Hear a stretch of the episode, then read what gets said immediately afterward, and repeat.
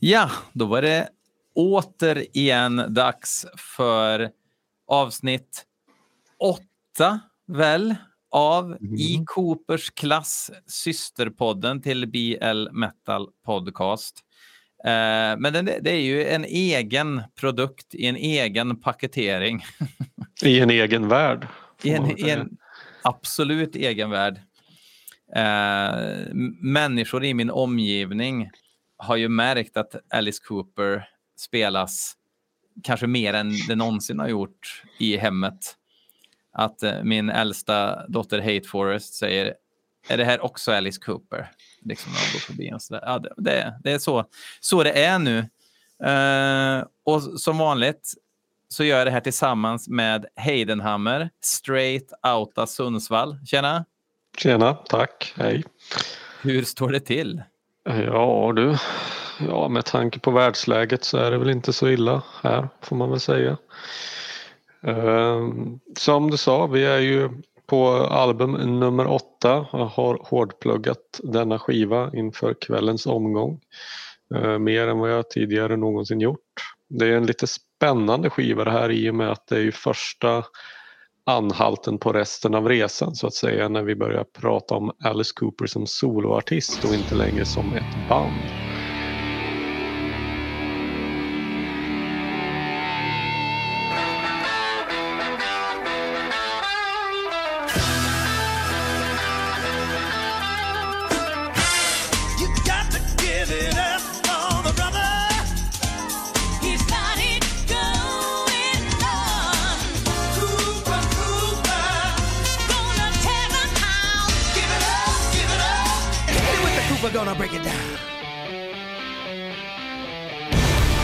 Så det är ju spännande. Mm. Absolut. Eh, men vi ska inte göra det här som en duo, utan vi är en trio idag. Mhm. Vi har med oss eh, Staffan. Hej, Hej! vad trevligt. Sitter du här? Ja, sitter du? Eller ni här ska jag säga. Och du är här i Falun, straight outa. Ja, det kan man väl säga. Ja. Ja. ja. Eh, för att jag frågade om du var sugen på att vara med i ett avsnitt och att eh, du, du sa då att du håller den här skivan som kanske en av de mest intressanta för dig. ja, det någonstans. skulle jag säga. Ja, stämmer. Ehm, ska jag utveckla det? Ja, ja, ja. Eller är vi färdiga nu? Vi brukar komma, vi tänkte du som person, vad, vad är du för tomte då? Ja, oj.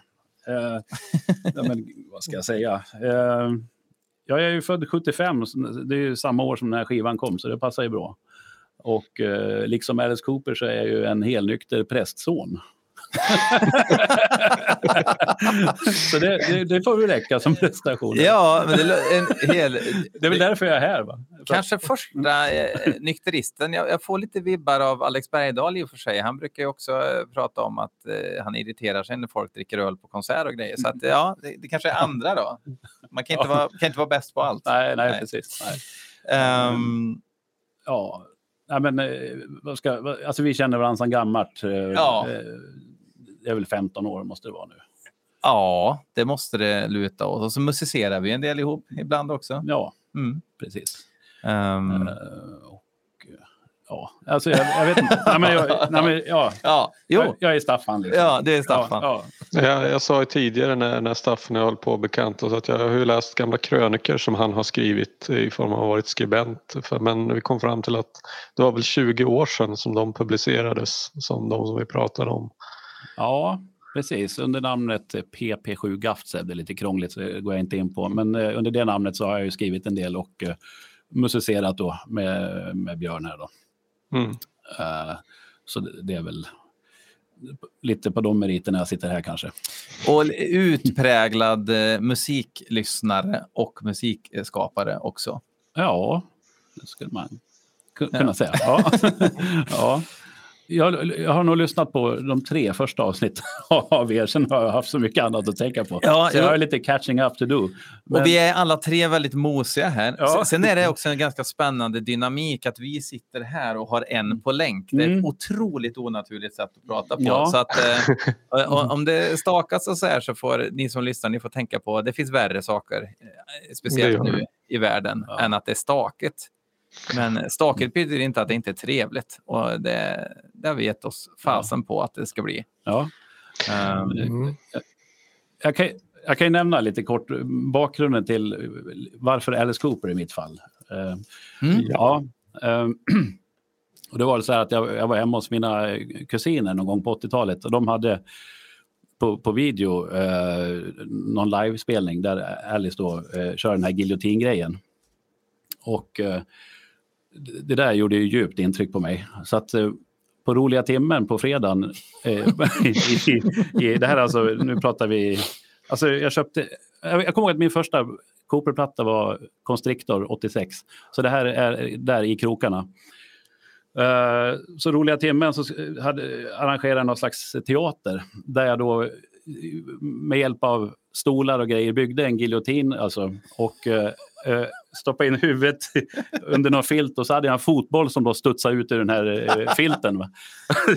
så att, eh, ja, eh, Alice gjorde ett väldigt starkt, det här teatraliska gjorde ett väldigt starkt intryck på, på mig som ung då. då.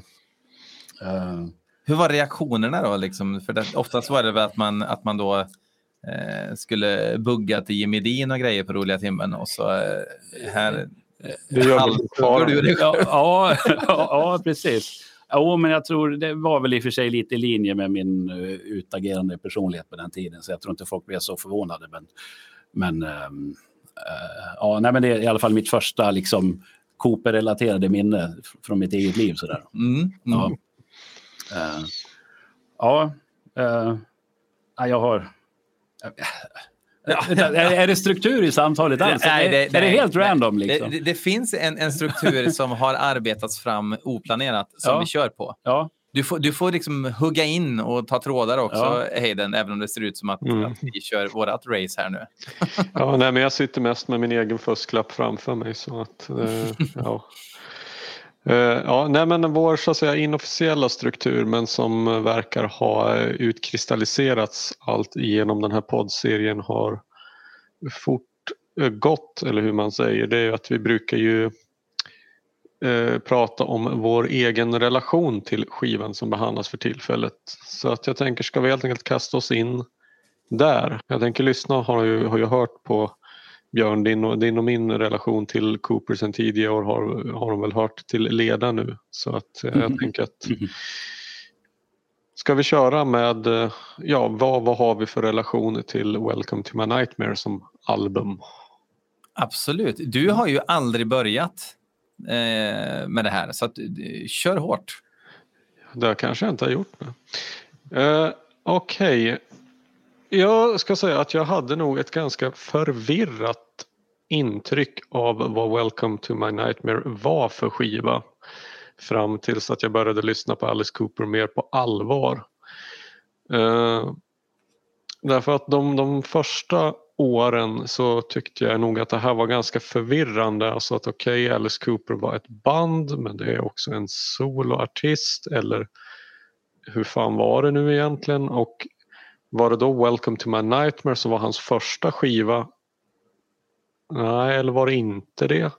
Men det var i varje fall det jag trodde så att säga när jag var en, en ung eh, och okunnig ja, jag vet inte vad jag var, tonåring hade jag nog säkert hunnit bli i alla fall innan jag fick mer rätsida på hur det här egentligen hängde ihop. Eh, och låtarna på Welcome to my nightmare, det, ja, några hade jag väl hört Eh, i och med den här videon som jag tagit upp massor med gånger nu, Trash is the world. Där var väl Welcome to my nightmare-låten med, Only Women Bleed, Steven och möjligtvis någon till som jag inte kommer på på rak arm. Eh, men man fattade ju, man förstod ju ganska fort att ja, men det här är ju ett klassiskt album, alltså så, så klassiskt som det kanske bara kan bli i Alice Cooper sammanhang.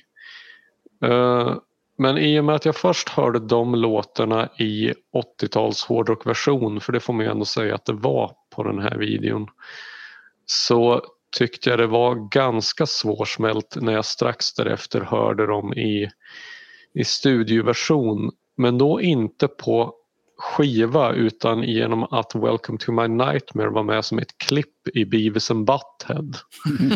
och de var ju inte så där vansinnigt imponerade av, av dansare och folk utklädda i gummimask och en ålande Alice Cooper i en säng med sidenlakan.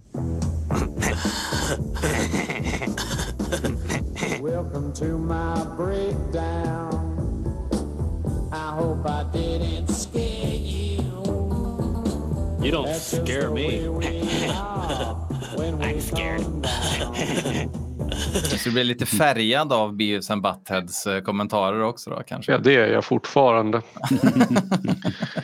Eh, nej men jag, jag, jag vet inte. Det var eh, okej, det var trumpeter och det var dansare och det var grejer.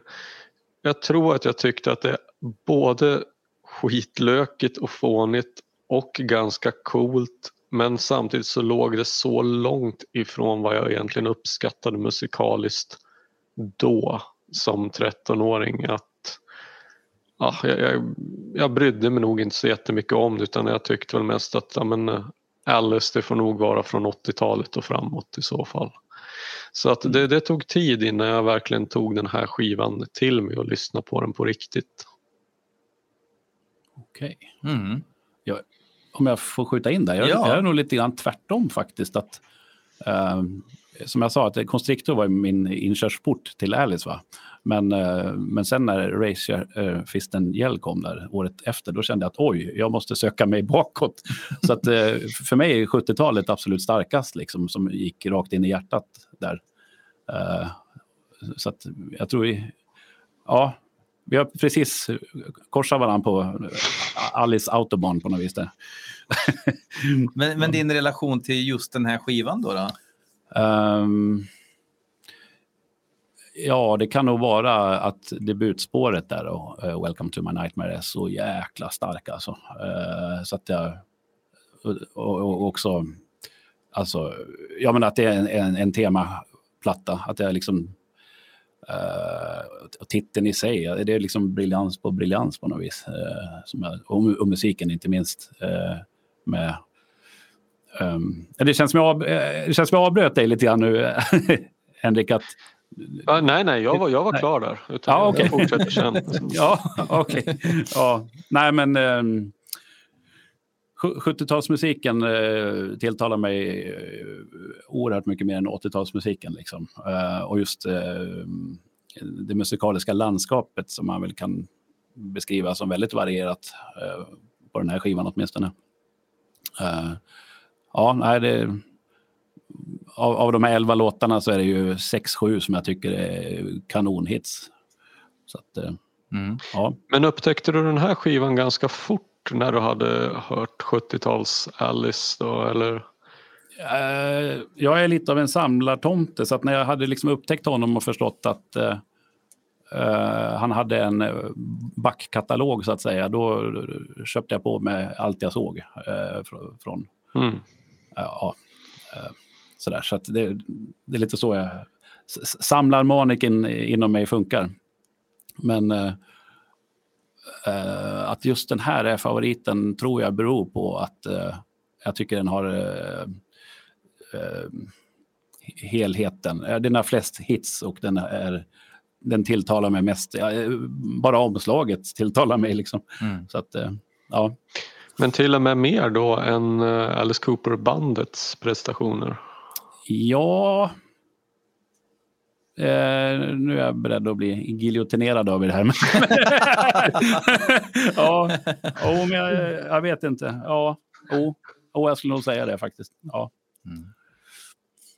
Ja, jag, jag, jag, jag känner, alltså någonstans, jag känner nog igen mig i båda. Någonting som jag inte tror att jag har tagit upp i något tidigare avsnitt, det är ju att att jag upptäckte ju eh, också Alice Cooper, alltså 80-talsgrejerna och ehm, eh, för det var ju de skivorna, de fanns ju tillgängliga alltså på, på varenda liksom ja, den eh, egentligen enda skivaffären som betydde mycket för mig som jag nämnt i varenda avsnitt tror jag, Knastret. Men alltså Alice Cooper och Knastret går ju hand i hand för mig för att där fanns ju alltid, jag menar, Raise Your Fist and Yellow Constrictor för 40 spänn. Mm. Liksom. Alltså, så att det är klart att man köpte dem och, och liksom som barn Eh, Poison såklart. Eh, åka bil eh, genom eh, Tyskland som precis har blivit eh, gått från Östtyskland till Tyskland och man hör Poison på radion. Alltså det, är- för mig är det helt Mm.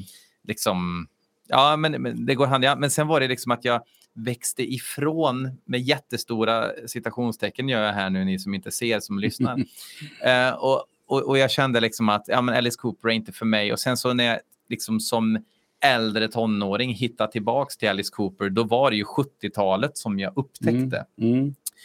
Och sen i allt det här när man letar i huvudet så inser man ju också, eller jag insåg att när jag upptäckte 70-tals Alice Cooper, alltså bandet Alice Cooper och soloskivorna, Mm. så upptäckte jag ju samma Alice Cooper som jag egentligen älskar från början också. För att mycket av det där var ju grejer som jag hade hört Mm. via ja, men, eh, eh, ja, men saker när jag hade exponerats för Alice Cooper genom tv och radio. och Sådär. Mm. Jag kände igen, som jag inte har förstått var så gammalt som det var. Mhm. Mm. Eh, och fortfarande idag så måste jag tänka efter, just ja, det, det är rätt länge sedan det här. 1975 är några år sedan och det är en skiva som fortfarande är så spännande att lyssna på liksom, än idag. Mm. Och just Welcome to my nightmare-skivan hittar jag tillbaks till väldigt sent ändå, vilket är jättekonstigt. Idag när jag hör den så tänker jag det här borde ju varit nästan den första skivan som jag upptäckte från den nygamla eran om man säger. Eh, vilket jag tycker idag. Eh, men jag älskade ju liksom Killer och Billion Dollar Baby som är Mm. skivorna långt innan Mhm. jag uppskattade den här skivan. Mhm. För då var det väl lite grann att de äldre hade sagt till mig, ja, men det är bandet Alice Cooper, det är bandet Mm. Alice Cooper. Mm. Och så Mm. hade jag den här eh, lilla känslan av att det här är inte samma kvalitet Mm. redan när jag Mm. drog på det. Mm. Och det är ju en uppfattning jag har reviderat ordentligt. Mm. Sen, sen, sen den tiden kan jag säga. Mm. Så vi har en 80-talsdiggare, en 70-talsdiggare och en som har hoppat mellan scenerna kan man säga.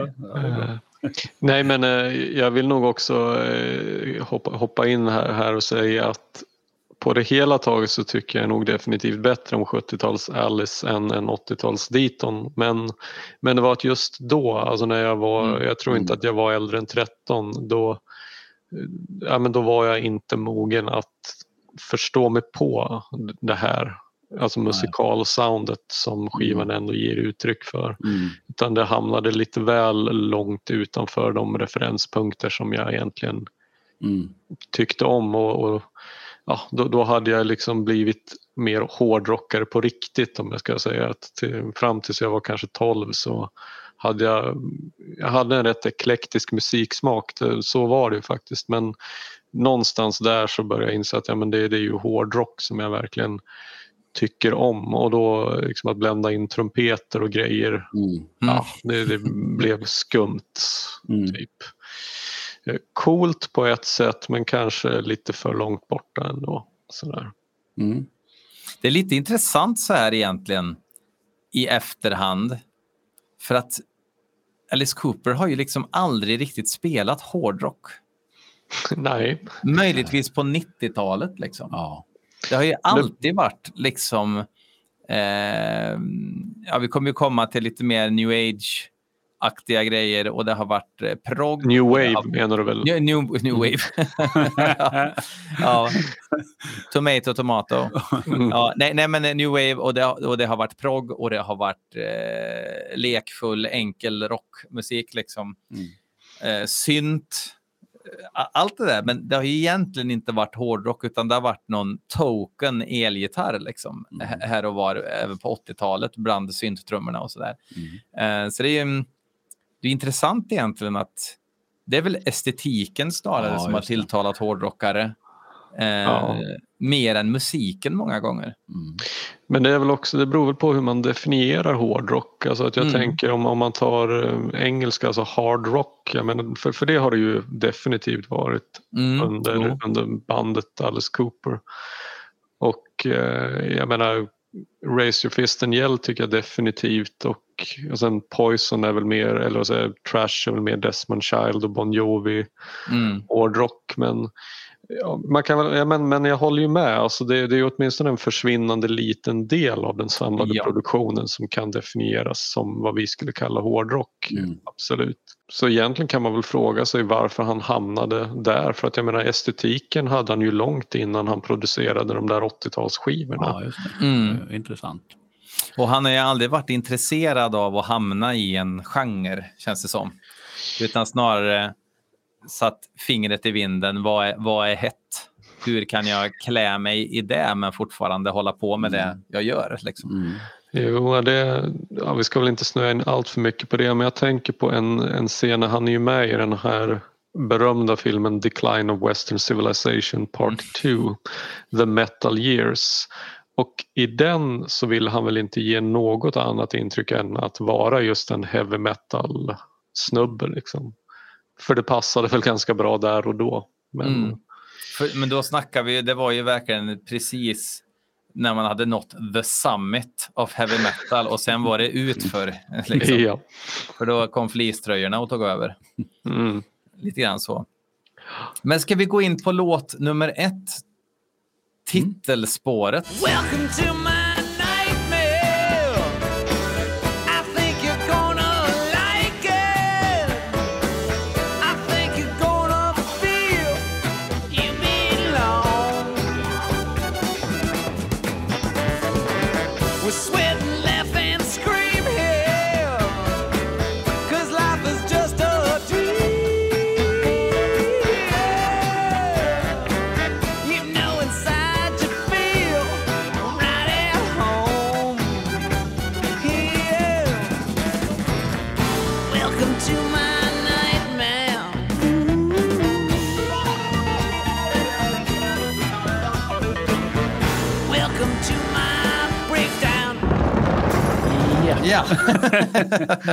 Ja.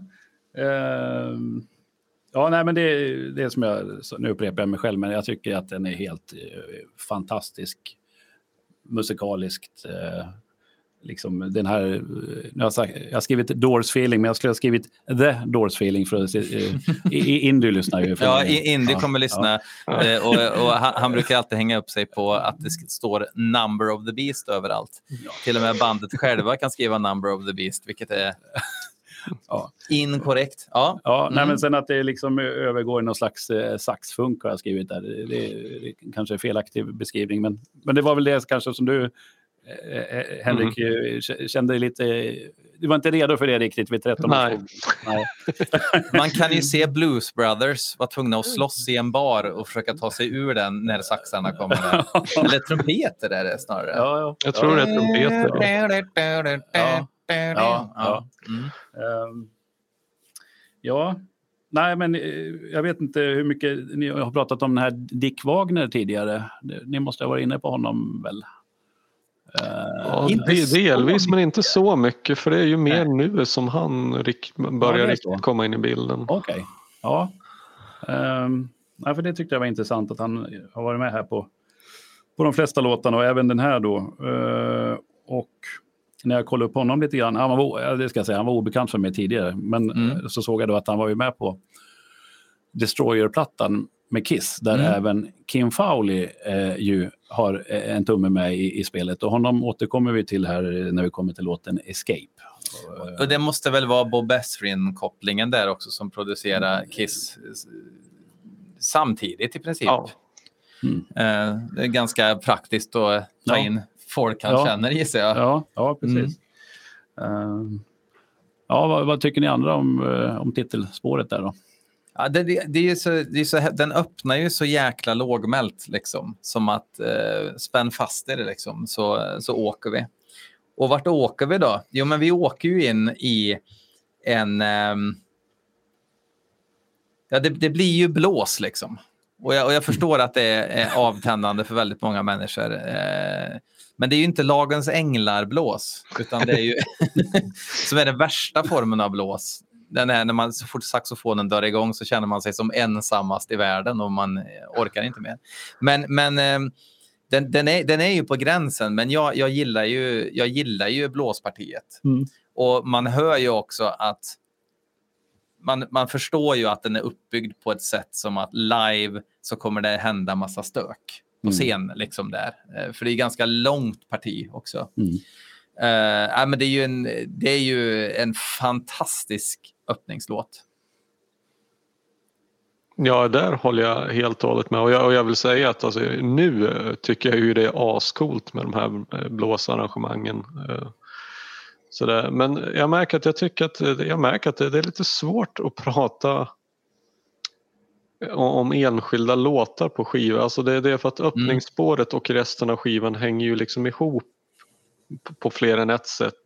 Mm. Och det, För det första finns, gången känns det som, som eh, som det blir så. För vi har alltid pratat om, är det ett koncept, är det inte ett koncept? Den låten passar inte in, den blir lite konstig i ordningen. Men här får han ju till det. Ja, jag, jag har en liten invändning där. Mm, intressant. Om jag ska, om jag ska vara grinig. Ja. Ja, jag vet inte, för jag, jag både älskar konceptet och samtidigt så, eh, jag ska inte, nej, fel att säga att jag både älskar och hatar för det vore ett alldeles för starkt ord men i all form av historieberättande så om det inte är David Lynch så tycker jag det blir väl fegt med att ha en, en alltså att allting ska vara en dröm. Mm. Det är liksom, det blir som, för mig blir det a least common denominator att säger man att vad som utspelar sig är en dröm, ja men då kommer man undan med vad som helst. Alltså Mm. då behöver inte fin, det behöver inte följa något narrativ eller logik eller sådär. Eh, Men här, det här är ju ganska intressant, alltså bakgrunden till, till skivan eh, är ju att det, det från början skulle det här vara ett soundtrack. Då, då är så den fick släppas överhuvudtaget. Eh, därför att bandet Alice Cooper var ju fortfarande kontrakterat till Warner Brothers. Men den här skivan släpptes på Atlantic och fick bara göras på det viset genom att den eh, annonserades som ett soundtrack till en film. Och därför så skulle filmen vara Welcome to my nightmare, vad nu det skulle vara. Eh, så att det här var lite grann ett sätt att, att, att krångla sig ur ett, ett ursprungligt kontrakt genom att eh, sätta upp det hela, då, både musik och show som en musikal som sen skulle filmas och sen släppas eh, som en slags eh, egen film. Då. Eh, från början verkar det vara tänkt att den film som faktiskt spelades in med bandet Alice Cooper, den som heter Good to see you again Alice Cooper, eh, då var det väl kanske tänkt att det, var, att det skulle vara ett soundtrack till den filmen som skulle få släppas på ett annat bolag. Men då utnyttjade Alice eller Vincent Furnier och kanske främst hans manager Shep Gordon den här möjligheten med att släppa en skiva med solartisten Alice Cooper eh, och göra det på annat bolag genom att få det att framstå som ett soundtrack till en ny film. Det här kanske blev skitrörigt, jag vet, jag vet inte. Nej, men det, det var grymt Ja. eh, pedagogiskt Ja, och bra. verkligen. Eh, Jag kände inte till det här själv. Ja, det, det, det, var, det var en massa grejer som för sig gick det här släppet då för att det var i, i bakom kulisserna så var det ju många oklarheter att först och främst fanns bandet Alice Cooper ens fortfarande? Därför att det verkade ju som så att efter de hade spelat in skivan innan den här eh, Muscle of Love så verk, verkade det sig som att bandet var i upplösningstillstånd och det var frågor om de överhuvudtaget skulle kunna arbeta igen. Och faktiskt innan Vincent eh, gav uttryck för att vilja göra ett soloäventyr så gjorde gitarristen Michael Bruce det. Att, och han skulle släppa en soloskiva innan Alice. Så att den, den här splittringen av det gamla bandet den var alltså ganska tydlig på flera sätt och vis.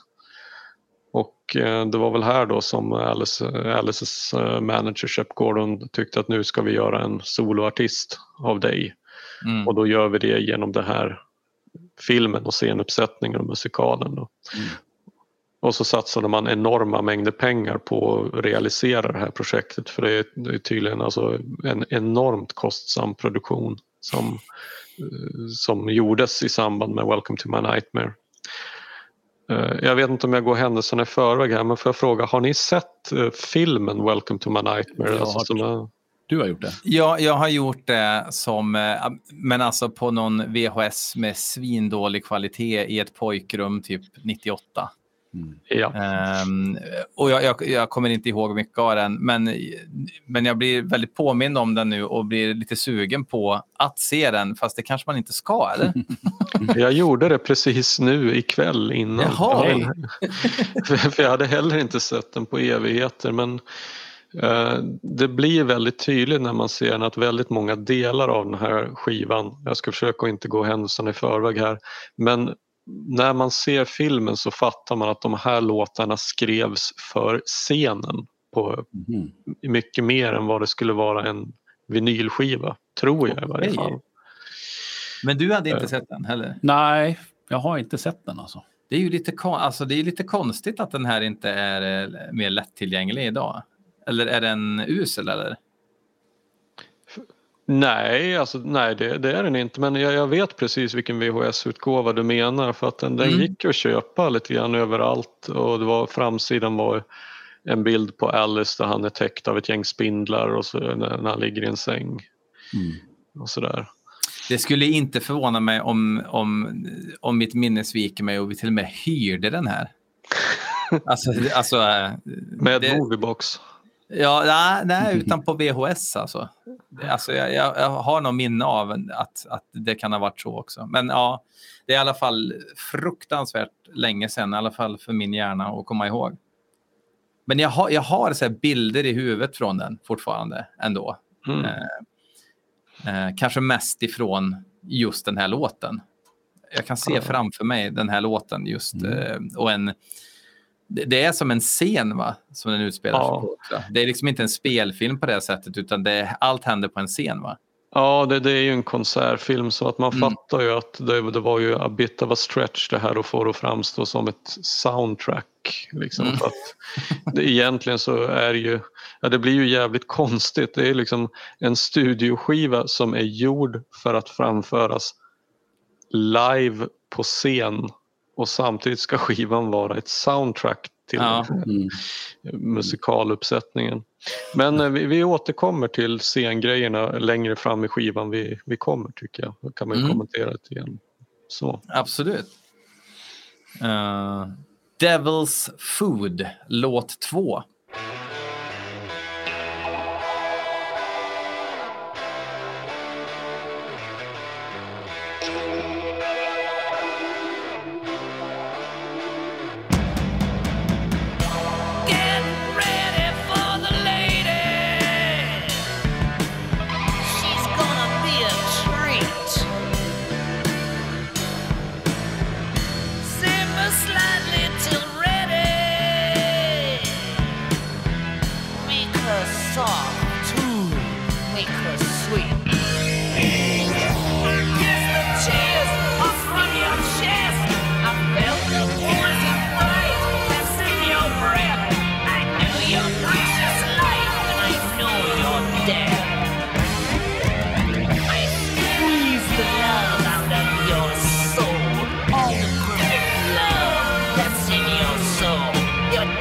Another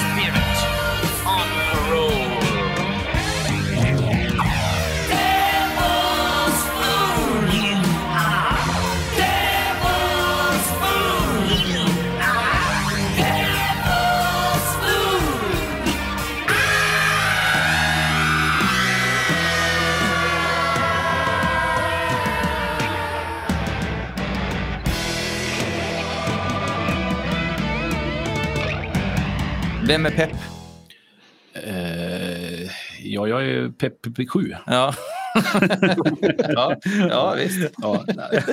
ja, nej men eh, okej, det- den är ju ingen favorit till mig sådär rent musikaliskt, men vad jag reagerar på eh, som jag, eller, som jag tycker är intressant eh, med den här och låten efter, eh, det är ju, eh, kretsar ju kring eh, spindelskräck och i synnerhet då The Black Widow. Och så har man ju då tagit in den här Vincent Price Mm. Ehm, som ju då ge- ger röst åt...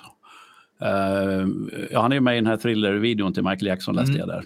Och har varit med i massa skräckfilmer och sådär. Eh, det jag tänkte, jag blev lite nyfiken så jag kollade upp lite statistik på det där med, eh, alltså må, må Jeff Hanneman vila i frid naturligtvis, för det sägs att han eh, blev biten av en spindel. Va? Men, men, så, men om vi bortser från honom, jag tog, tog mig friheten att eh, kolla upp lite statistik här och då såg jag att mellan 2008 och 2015 så var det alltså per år eh, sex personer bara som dog av spindelbett i USA. Eh, Ja, det är ju ingenting. det är ju, och Jeff Hanneman då, han, räkn, han måste ju Ja, räknas. han, han var nog med i statistiken. ja, ja. Fan, Eh, ja. ja. Och sen i Tänk Australien. den då. statistikern liksom och bara reagera. Fan, det är Hanneman. Ja, Jävlar vad ja, sjukt. precis. Eh, och ännu lustigare siffra, eller är, när vi talar om människors död så är det naturligtvis olustiga siffror. Men intressant är ju, i Australien så var det mellan 2000 och 2013 noll dödsfall på, på grund av spindelbett. Noll. Det är och det, det är alltså eh, studie från Melbourne University. Jag blir nästan lite upprörd av Man- den siffran. Precis. Ja. Det kan då jämföras med att under samma period i Australien så blev 74 människor dödade av hästar. Häst, hästar, ja, men förstår ni? Man, om man The får Black lite... Stallion borde... Det blir en annan film. Då, då har jag Ja. liksom en anekdot där faktiskt. För att när, när, eh, eh, när vi var till LA för några år sedan och, och sov hos några kompisar där, eh, ärkeamerikaner, då, då finns det alltså en spray Ja, som man kan ha på uteplatsen ja. mot just svarta änkor. Ja, ja, ja. ja. Och då, det, man behandlar dem som mygg. Ja, ja, ja. ja. Så här, ja. Vi är så jäkla, det är så Ja. mycket svarta änkor nu. Ja. Vi ska bara spraya lite först så, så, så sticker de iväg. Och så ska man sitta där sen med, med, en, eh, med en öl och ha det gött. ja, ja, ja precis. Det, det, jag förstår skräcken. Eh, och, och det har vi pratat om, Björn, jag vet inte hur det är med dig Henrik, men vi, vi har ju lidit av lite spindelfobi nästan. Mm. ja, precis. Ja. Eh, nästan. Ja. Ja, en tydlig, klar, klockren spelfobi. Ja. Ja. men eh, absolut, det var faktiskt intressanta fakta som ju absolut har med det att göra. ja, Mm. det kan jag tycka. Jag har lite roligare detaljer också, men vi, vi, kan, vi kan prata om det sen. ja, ja. Vi håller, jag, jag tenderar ibland att ta- tappa tråden. Ja, ja det, det, det, that's what we're here for. Mm. Spindeltråden tappar. Men, men själva låten Devil's Food och eh, efterföljande låten The Black Widow, eh, det är ju inte jättesjälvklart att det är två olika låtar förrän man vet att det är det. För de flyter ju ihop. Eh, kanske på grund av den här monologen då också av Mm, ja, Vincent precis. Price med the most pun punchable eh, voice. Ja. Eh, man vill ju bara alltså, släppa sin tillfälliga pacifism och nita den jäveln. För man blir så, man blir så eh, arg av att höra hans förmätna överklass-brittiska Ja, okej. som gottar sig så mycket åt att den här spindeln Ja, är så jävla otrevlig. Men, men eh, låten Devil's Food börjar ju extremt bredbent rock.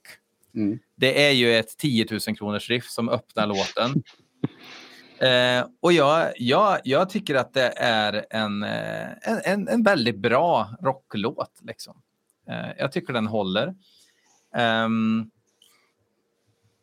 och sen, sen kan jag inte säga så mycket mer om det där eh, om just den låten. För att nu, nu när jag skulle analysera låt för låt så tänker jag de här låtarna som ett par hela tiden. Mm. Och då har jag mer att säga. Det är lite samma här. Ja, Mm. intressant. Ja, jag eh, tycker att det här är, jag tycker det är en svinbra låt men jag tycker det ligger den lite grann i fatet att den glider ihop med Black Widow. Därför att jag tycker att den här låten i sig är så pass jävla bra att jag faktiskt hade velat höra den fortsätta som en egen låt och faktiskt Mm. utan mellanparti.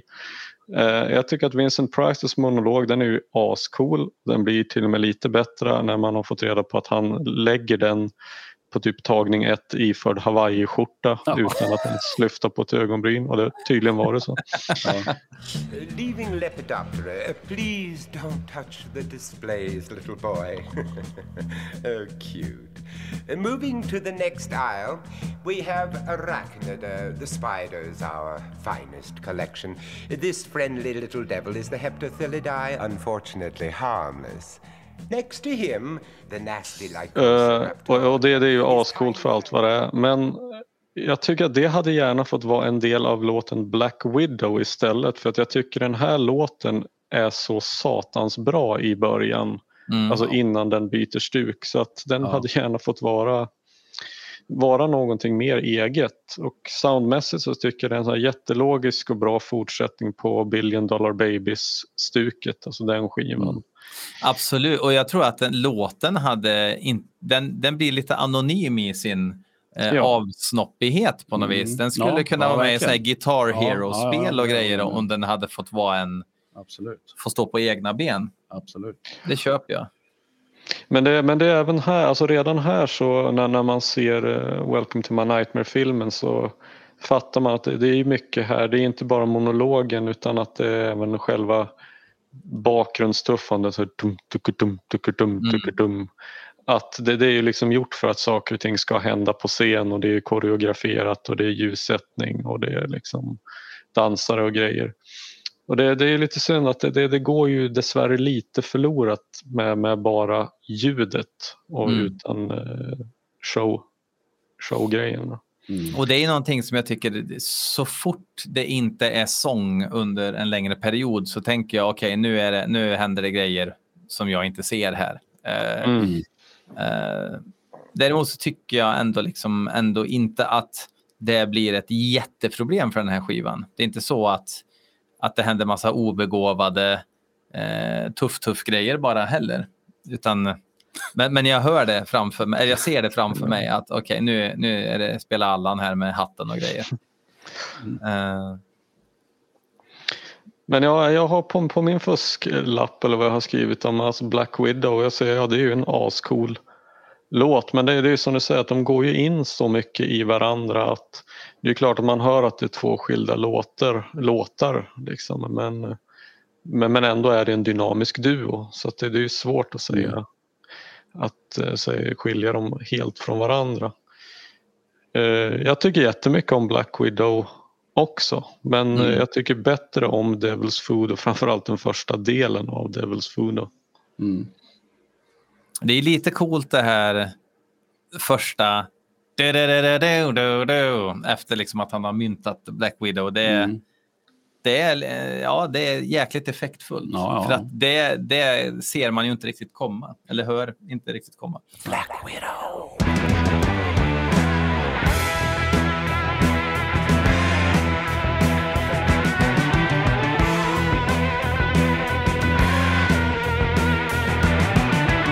horror that he'll bring. The horror of his sting. The unholiest of kings. The Black Widow. Our minds will be his toys. And every girl and boy will learn to be employed.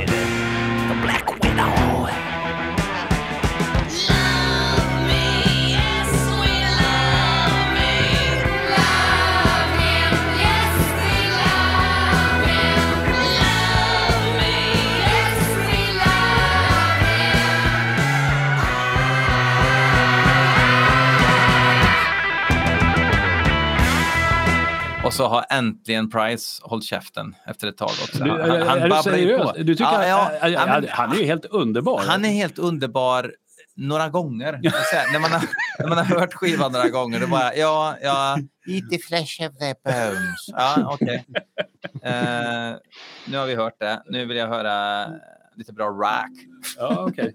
Ja, ja, där är vi oense. Ja, jo, men jag, jag är glad över att ni njuter av det. Ja, Det tycker jag är bra. ja. Ehm, vad tänker du då, Staffan, om just låten The Black Widow? ja, där tänker jag att den borde istället ha hetat Den brasilianska vandringsspindeln.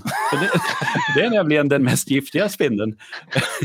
Och, eh, jag ska inflika att eh, en biverkan av ett bett, det här är alltså sant, en biverkan av ett bett där ger, och nu citerar jag, kraftig erektion hos män som drabbas. Så det är ju bättre än Viagra uppenbarligen. Och det är ju också någonting han skulle kunna använda sig av i texten då. Ja, Ja, om, om man är på det, om man är på Eddie Meduza-humör. Ja. och det är man. Men det är ju Alice. Han är som en mörk Eddie Meduza ibland. Det får man ändå igenom. Kan man säga att Phoenix är USAs Falköping? Ja, det kan man. Om inte annat så börjar vi nu. Ja, men det är intressant att, eh, att The Black Widow är ju som att få ett, ett, ett att lite, vara lite lätt allergisk mot ge- getingar. Liksom. Alltså att du Mm. blir svullen och jävlig, men du Mm. dör inte Nej, det. det är så. Sen har det och för sig då kommit eh, motgift, eller man säger. Har ju, jag läste någon siffra att eh, det utvecklades 1980. Jag vet inte om det var just kring Svarta änkan, men, Nej. men ändå. Det, det var väl mer dödligt förr helt enkelt. Det ska man väl kanske också ta hänsyn till här då. Till försvar för Cooper. 75 kanske var svinfarligt. Så kan det vara. Ja, absolut. Då var det inga get- Då ljög jag nyss. Ja, fast Men- Jeff, men jag har ju hört Jeff Hanneman levde ju då å andra sidan, så det skulle... Ja. Ja. Ja, och så vidare. Ja, ja. Nej, men för att jag verkligen... Ja, vi ska inte snöa in. Skitsamma. Ja, skit. Ehm, sen kommer vi till Some Folks. Gissar att det inte var favoritlåten på skivan då när du var 12, eller vad var det, 14? Ehm, Ja, nej det, det var det ju inte om det var mig du syftade på här. Nu tar jag bara för givet. Eller? ja, Ja, ja, precis. ja, nej, men det- precis. Heavy metal Det, det skulle stämma in på mig. Den, den vad ska jag säga, fördomen stämmer in på mig också. Jag har svårt för den låten. Men, men, men, Än idag? ja, ja, Mm, ja, jag har det. okej. Men jag bollar över, jag ska inte avbryta. Jag bollar över här till Henrik. Eh, ja, nej men alltså så här. eh, Welcome to my nightmare-skivan har alltså det, det var samma med den som med, med någon annan, ja som med Billion Dollar Babies-skivan. Att jag, jag köpte nog en ganska usel vinylversion av Welcome to my nightmare. Som det var dåligt ljud på och jag brydde mig om hitsen. Det här var när jag var liksom lite äldre tonåring då. Och det som föll emellan stolarna så att säga brydde jag mig alls inte om. Och Some Folks är det definitivt en sån låt. Eh, så att när jag började lyssna, när jag började plugga den här skivan nu då, alltså i, i 40-årsåldern inför våra omgångar och våra poddar. Så när, när jag kollade på, på omslaget så sa mig titeln Some Folks faktiskt med ingenting. Det var, det var någonting som jag hade helt glömt bort. Eh, men sen när jag lyssnade så blev det såklart så här, ja just jag fan det är ju den här låten.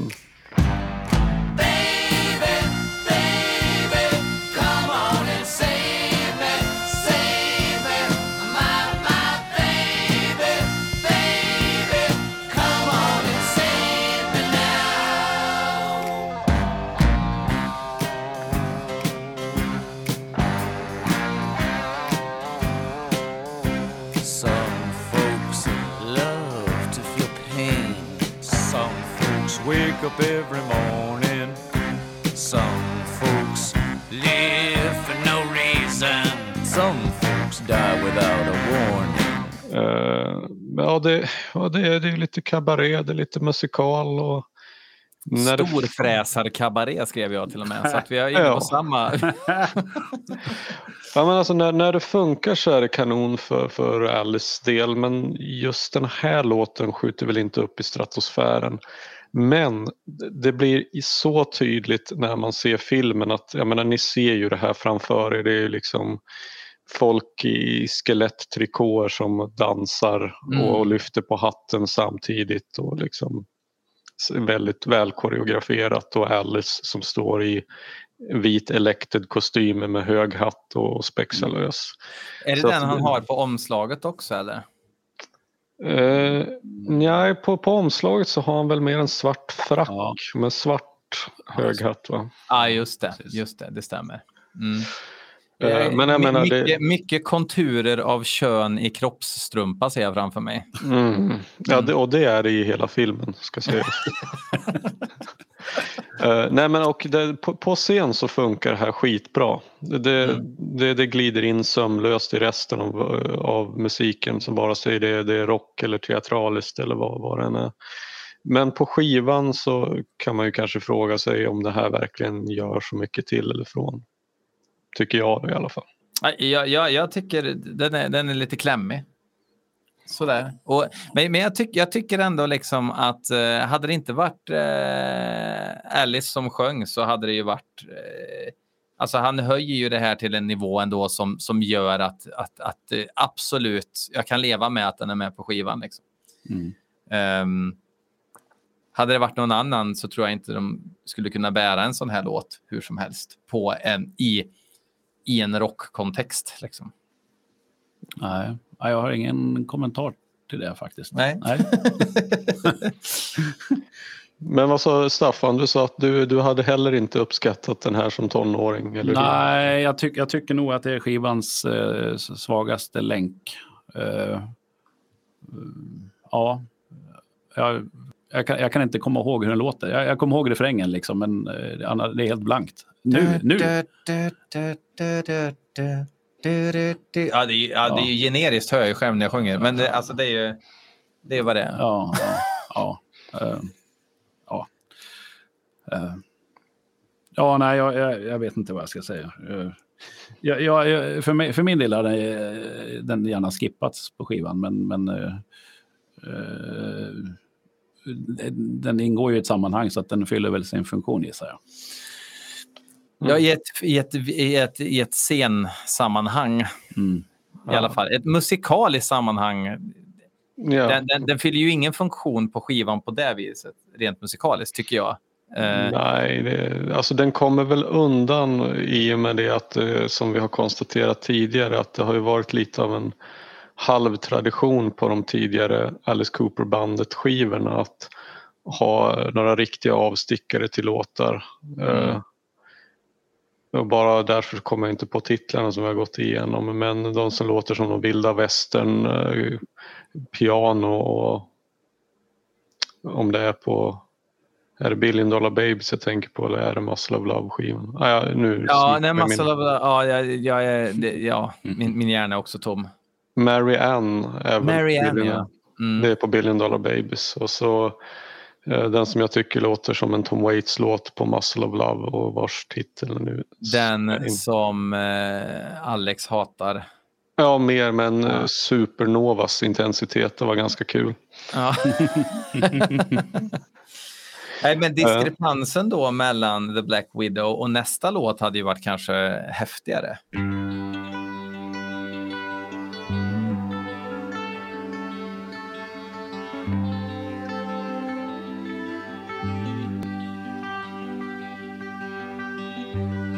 got his woman to take his seat. He got the power, oh, she got the need. She spends her life through pleasing up her man. Feeds him dinner, oh, anything she can. She cries alone at night too often. He smokes and drinks and don't come home at all. Only women bleed. Only women bleed. Only women bleed.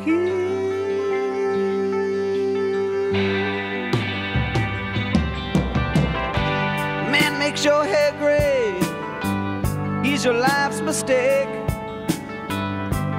All you're really looking for's an even break. He lies right at you. You know you hate this game. Slaps you once in a while and you live in love and pain. She cries alone at night too often. He smokes and drinks and don't come home at all. Only women bleed. Only women bleed. Only women bleed.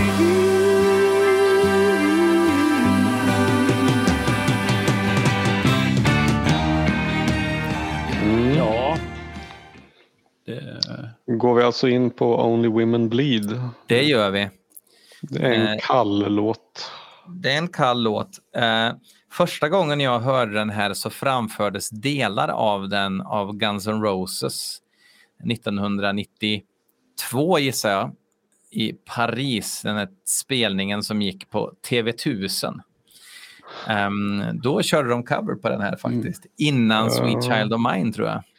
Med tanke på Axl Rose förehavanden i sina förhållanden så kan ju tyckas det vara en ganska ironisk grej att göra då. Men, Eh, ja, jo absolut. Absolut. Good, good point. Eh, väldigt bra point. Eh, han kanske whitewashar sig eh, ifrån Mhm. det eller någonting. Jag vet inte. Men de kör den som en liten, bara en liten trudelutt. Mm. Så att det är som att eh, osökt så hamnar Slash i det här plocket. Liksom. Vänta, det är den? Ja. Hur fan, nu när du säger det så Vet du, det här är så jävla pinsamt men jag vet exakt vad det är du tänker på och jag har alltid tyckt att fan vad det där låter. Alltså till och med de här senaste dagarna när jag lyssnar mycket på skivan så är det fan vad likt det där är, det där gamla Ga- Guns N' Roses. Jag har snott lite grann. Okej. Och, och, men det var alltså Only Women Ja. Bleed som, jaha. Ja, äh, ja men, men alltså när du säger så där så blir jag ju osäker såklart. Men, men, eh, men, nej, men jag är fan helt säker alltså.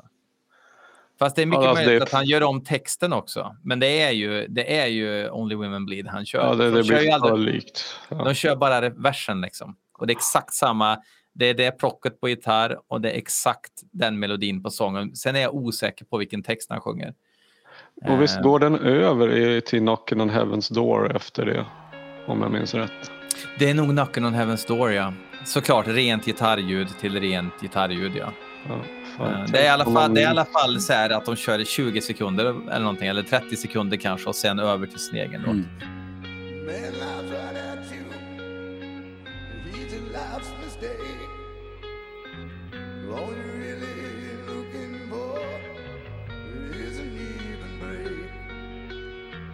Alice fick ju mycket, eller inte mycket, men jag såg att det hade varit recensioner liksom där han fick lite kritik för att han då på något vis hoppar på något sånt sorts modernt feministtåg.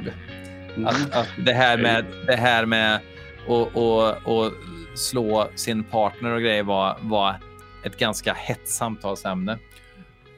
Då. Ja, Kanske för första gången. ja, eventuellt. ja och nu inflikar jag här att Ja. just domestic violence eh, blev ett begrepp 1973 i USA läste jag. Så det, det är precis i, i tiden där då. Och då tyckte de att han red på det liksom. Eller eller att han flörtade på ett osmakligt sätt eller någonting. Jag har inte läst kritiken så jag vet inte det. Min egen reflektion är att jag tycker han är väldigt modig och en föregångare. Alltså om man tittar på de samtida rockarna och, och Mhm. eh, jag ska inte kalla Kiss för skräckrockare. Men, ja, i och för sig. Jag brukar säga att Gene Simmons är mer skräckinjagande utan smink än med smink. men, men i alla fall. Eh, nej, men, eh, när alla andra manliga rockers sjunger om att ligga med kvinnor, ligga med kvinnor, så kommer han, Alice Cooper och, och, och ta fram en grej som faktiskt eh, eh, lyfter den här frågan. Som, Mm. eh, ja, jag tycker det är helt fantastiskt. Va? Men, men jag har då inte läst den samtida kritiken. Nej, men, men, men eh, de- den, eh, jag tror inte att den var stor, men det var saker som, som petades lite på. Liksom. Ehm, men, men jag menar sen liksom, det här är ju, det här är ju, det finns väl ingen människa som kan tycka att det här är en dålig låt, eller? Alltså, den är ju svinbra, det är ju en grymt stark, jag säger, det är ju en av de bästa låtarna på skivan. Och Det, Mm. att det är feministisk teaterrock från mitten av 70 kan ju inte ha varit vanligt. Nej. Nej. Ja, för jag tänkte, för när, när du beskrev eh, skivan som helhet, Henrik, så, så sa du att eh, det är liksom drömmar allting och det är liksom lätt att eh, kom, komma undan med det på något vis. Men jag tänker, det här är ju ändå en låt, tänker jag, som, där han faktiskt verkligen menar någonting med. Mm. Eller är det, är det min egen... Jag kanske läser så- in för mycket, men... Det är ju socialrealism såklart. Eh, ja, Ehm. så, så, på det viset tycker jag att den här låten sticker ut, för det är ju en, sam, en samtidskommentar verkligen. Det var, det var, jag, jag har precis, jag, jag skrev det som, som anteckning själv faktiskt. Att Ja, det, okej. det är just att med, med konceptalbum, om det verkligen stämmer, att det om alla låtar då är det tänkt eller sagt ska representera varsin, alltså en, del eller en mardröm. Varje låt ska vara en mardröm för huvudkaraktären. Så det är ett obehagligt socialrealistiskt tema. Men det, spontant så känns det ju som att det hamnar lite väl långt utanför ramarna. Men å andra sidan, jag menar Stephen King har ju skrivit hur mycket som helst alltså om feministiska frågor och om uh, våld i, i nära relationer och mäns våld mot kvinnor. Uh, och det är inom skräckramarna också. Då. Så att, Mm. uh, jag tänker att det kanske Ja. beror lite grann på hur man ser det men nog, nog tycker väl jag också, alltså, alltså, the gut feeling hur man säger så, Mm. så, så ja, jag håller helt med. Alltså det, det är ju plötsligt inte liksom den här mysskräckkänslan längre utan det är ju en, i så fall en väldigt annan sorts skräck. Ja, verkligen. Mm. verkligen. Men kan det vara också att han, när han sätter det, när han tar den här frågan som många kanske fnyser åt som att ja, men ja, det, man ska väl inte slå sin, sin, sin, sin fru liksom. Men det, det, har ju folk gjort i alla tider och så sätter han det i ett mardrömskontext. Så Mm. kanske det också på ett sätt blir starkare av den inramningen också. Att det här är ju en mardröm vi pratar om. Det är inte, Mm. det är inte något man får leva med i ett samhälle. Liksom, att, att, att det ska på något vis kunna eh, undanskuffas. Jag vet inte. Nej, det, det kan. eh, Det skulle mycket väl kunna vara så. I så fall så är det ju helt fantastiskt. Men jag kan inte påminna mig att jag har läst det som att det skulle vara en medveten grej i historieberättandet. Så jag vet inte om det är att man, att man läser in det själv. Alltså. Ja, ja, ja.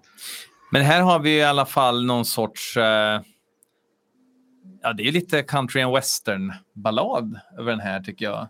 Eh, desperado-känslor kan jag väl tycka. Från, alltså, ja. Desperado från Killer. ja, absolut. absolut. Ja, men, men det är det här att det, det finns ett amerikanskt folksång-anslag Mm. i det på något Mm. vis. Ja, ja.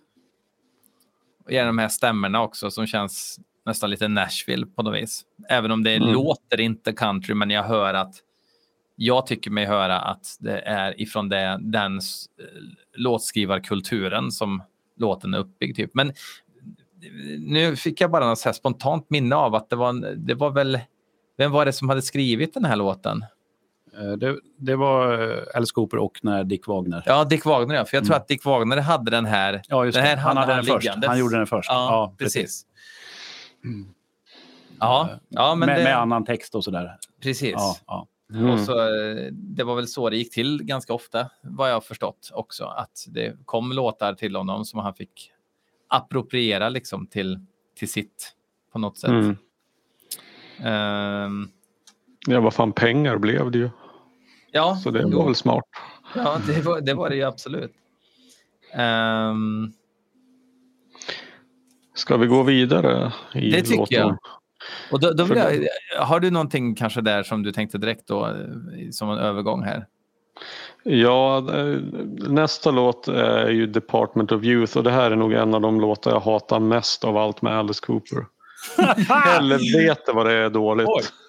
Oj, men vad glad jag blir, för jag har lite motsatt uppfattning. Men fortsätt. Nej, alltså det, eh, jag, jag vet att jag sa det tidigare liksom om, om Schools Out att jag tycker att det är väl magstarkt redan där med de här barnkörerna och grejer. Att Att det är barnkörer som limmar dåligt på Heidenhammer-själen.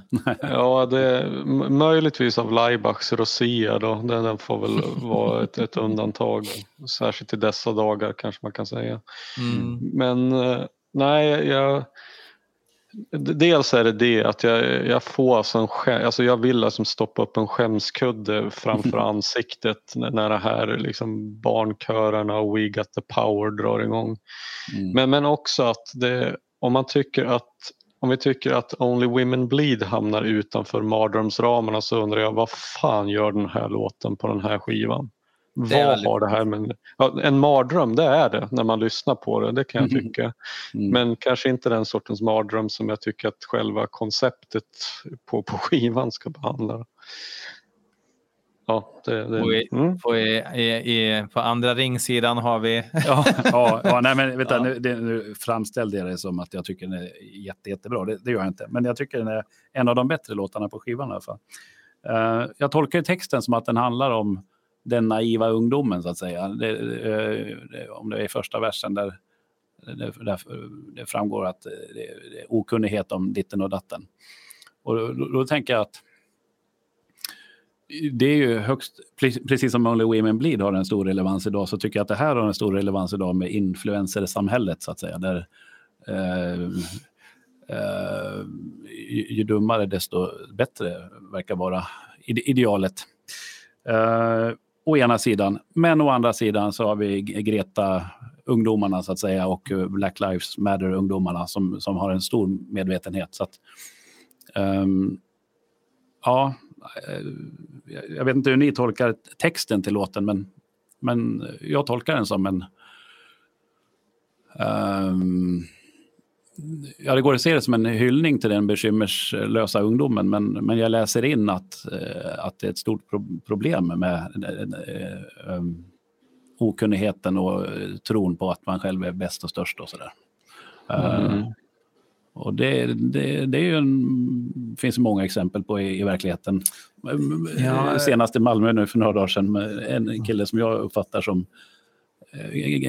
grandios. Mm. Mm. Ja. Ja, absolut. Um, ja, jag, jag, jag, ska, jag ska gå så långt som att säga att jag tycker om den här låten. Men det är också för att det här är en sån där låt som, som jag kommer ihåg refrängen från att jag var liten och sen inte hörde på riktigt förrän typ 15 år senare. Så jag har en nostalgisk anknytning till just den här låten. Att eh, eh, innan Spotify och www och eh, kassetter och, och hjulet och såna här grejer. På den tiden då, då kunde man ju inte bara hitta en låt. Liksom.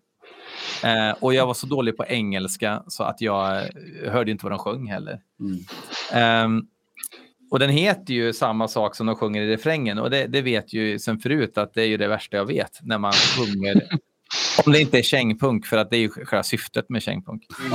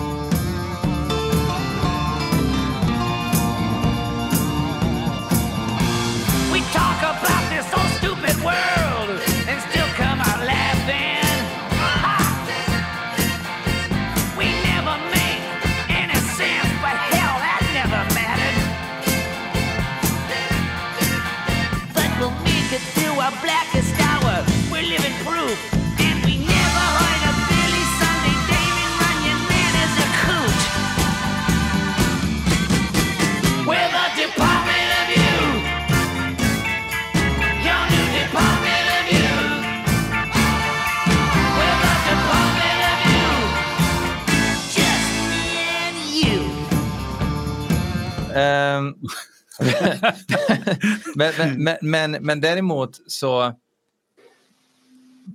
när de går över till But we got the power eller We have the power sjunger de va? Där, mm, Mm. där mår jag lite dåligt. Just låtmässigt mår jag extremt dåligt där. För att det är ungefär som att nu har vi fått till den här klatchiga refrängen som folk kan Mm. sjunga med till. Och det är lite ödesmättat i refrängen som jag tycker är snyggt. Mm. Alltså det är, det är någon arpeggio. Och, och det är ganska pampigt liksom. Men sen när vi går över till någon sorts dur, we got the power, skolavslutning, eh, åka cab. Mm. Eh, då, då, då känner jag nu, där gick mitt tåg. Liksom. Ja. Så att jag, jag, 80 procent av låten tycker jag jättemycket om faktiskt. Mm. Mm. Och sen 20 procent tycker jag är så jäkla synd för att det, det är lite det är lite hjärndött då, rent Mm. musikaliskt. Om man bortser ifrån budskap med text och allting. Men rent, rent musikaliskt så kunde de ha skött det där snyggare. Ja. Så tycker jag. Mm. Mm. Jag, jag, jag får erkänna att jag får i så fall läsa igenom texten lite mer noggrant en gång till men det är möjligt att det finns en, en kritik som du säger mot det men jag, jag har liksom bara alltid sett den här låten som en lite lamare, lite fegare, mer urvattnad version av Ja. samma tema som Schools Out. Jag Så förstår. liksom. Jag förstår. Ja, verkligen. Eh, Och, och, och återigen, liksom att det, jag tycker det hamnar så, så utanför Mm. narrativ eller liksom berättelsen på skivan att eh, jag, De, de hade kunnat få släppa den som singel eller någonting, alltså så Mm. att den hade mer av en, ett eget liv eller någonting. Men berättarmässigt så blir det rörigt och konstigt och sen Mm. okej, kanske det är sekundärt när det är en skiva det gäller och, men, men ändå. Liksom, ja. Mm. Konceptalbum också- var konceptalbum tycker jag. Men, men sen, alltså när, man, när vi kommer ungefär hit till den här låten, då inser man ju att tänker liksom att man försöker hitta den här låten och så tänker man hur man kommer ihåg hur den låter och så drar man på spår ett på varje skiva. Inte tror man att den kommer dyka upp på samma skiva som Welcome to my nightmare. Ah, nej, Det nej. finns ingenting nej, gemensamt. Nej, nej, nej, Det verkligen. låter inte som att det är inspelat i samma studio ens. Trummorna låter annorlunda. Mm. Allt låter annorlunda. Och det är också någonting som jag har tänkt mer och mer på efter den tanken kom att herregud vad det här skulle kunna vara en samlingsskiva också Mm. egentligen. Ja, ja, ja, just det. Oh, ja. Skiva, de här låtarna skulle kunna vara från massa olika skivor. Liksom. Eh, det är jättekonstigt Mm. tycker jag hur det, det är som att det är olika producenter på olika låtar nästan. Ja. Men då vill jag passa på att glida in i nästa låt Mm. just apropå det. Eh, för det här är lite grann den jag är fortfarande lite mer kritisk mot skivan trots att jag tycker jävligt bra om den. Så att en grej som jag tycker stör lite grann är att man hör att å ena sidan så vill ju soloartisten Alice göra någonting alltså, väldigt unikt, alltså att spränga ramarna och, och gå utanför det etablerade. Uh, och det gör den ju, men sen kommer ju några låtar som ja, men Cold Ethel som påminner ju väldigt mycket om vad originalbandet Alice Cooper har pysslat med.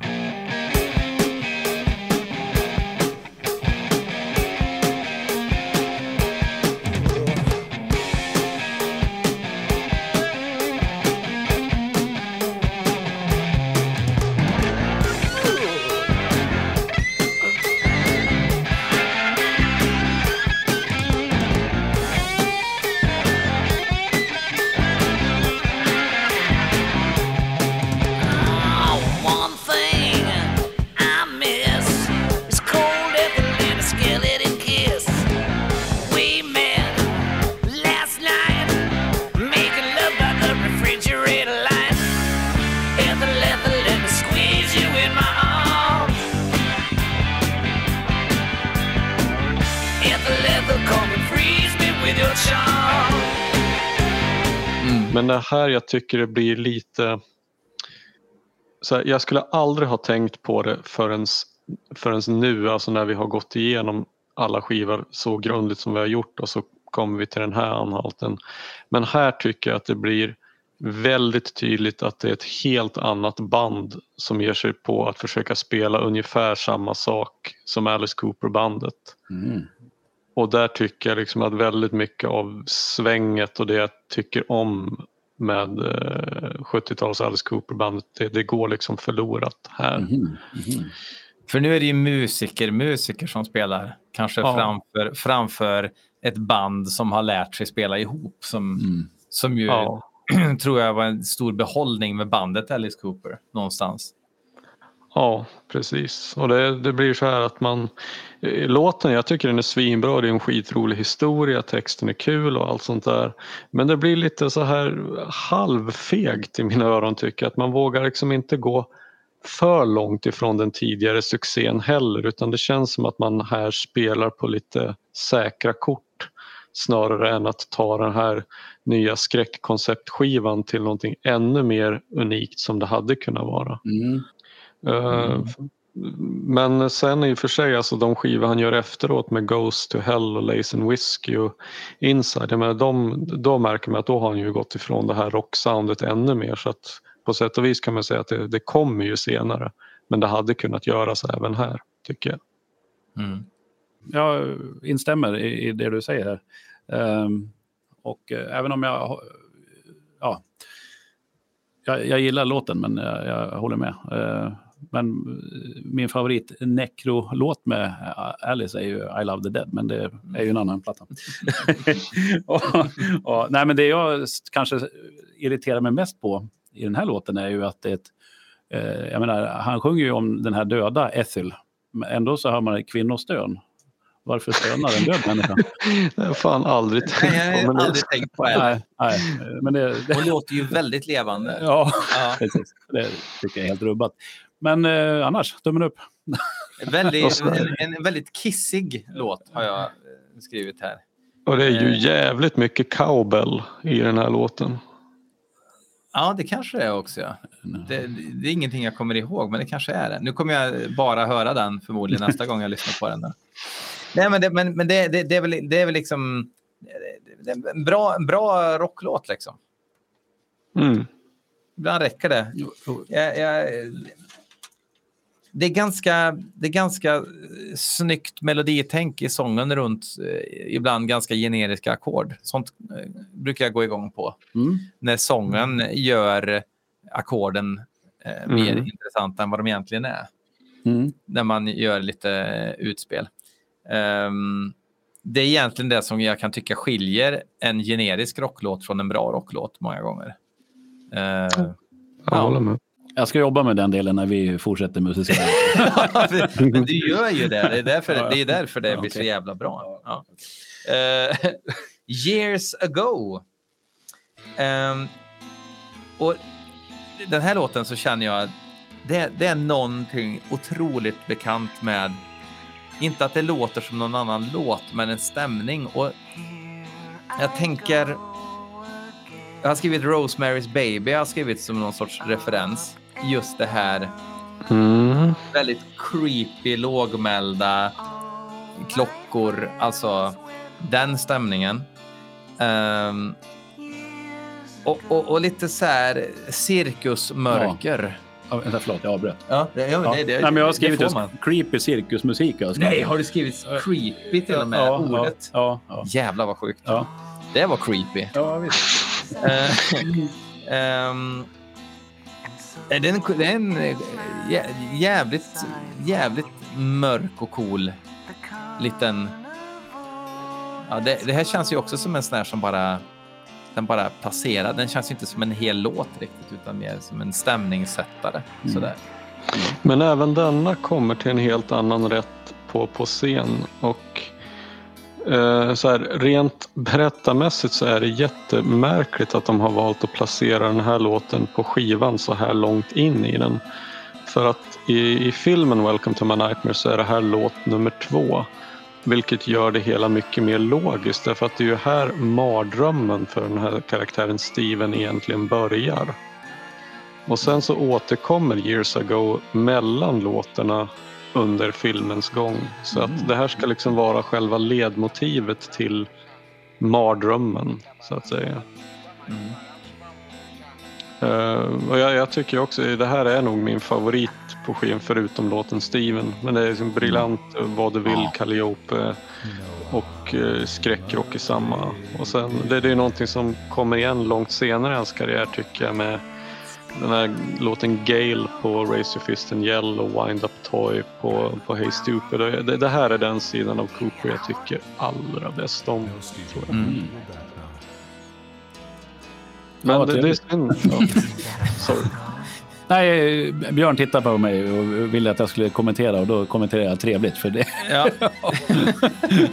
Ja. ja. Eh, Finns det så mycket mer att säga om den då? Har, har du nå- någonting som du tänker Staffan som inte är sagt? Ja, fast jag har skrivit det i parentes så det är egentligen irrelevant här. Men eh, om man gillar creepy cirkusmusik i mer pop-tappning så kan man lyssna på Melanie Martinez Carousel. Mm. Och Jag med- vet inte, typ. jag kan spela två sekunder och de kommer nu. Round and round like a horse on a carousel. We go. Will I catch up to love? I can never tell. I don't know. Mm. Ja. Ja. Ja, ska vi gå vidare då? Men jag, jag vill bara säga lite Ja. grann Mm. till om, Years Ago. Är att jag, jag känner lite grann för hela den låten som jag gör för de här första minuterna i, i Devil's Food. Att jag hade gärna även låten här Years Ago bli en helt egen låt också. För att den, ham- den är liksom lite vare sig eller. Det, är det tänkt att vara ett intro eller ska det vara en egen låt? Och det är inte riktigt en filler men det blir ändå som typ en fillerlåt. Och det kanske är att det, det bara är introt till, till Steven men även den här hade gärna för, för min del fått vara en, en helt egen bit. Så att Det är lite lost potential liksom. Ibland. Ja, precis. Mm. Instämmer 100 procent. Och eh, då är vi framme vid just Steven då.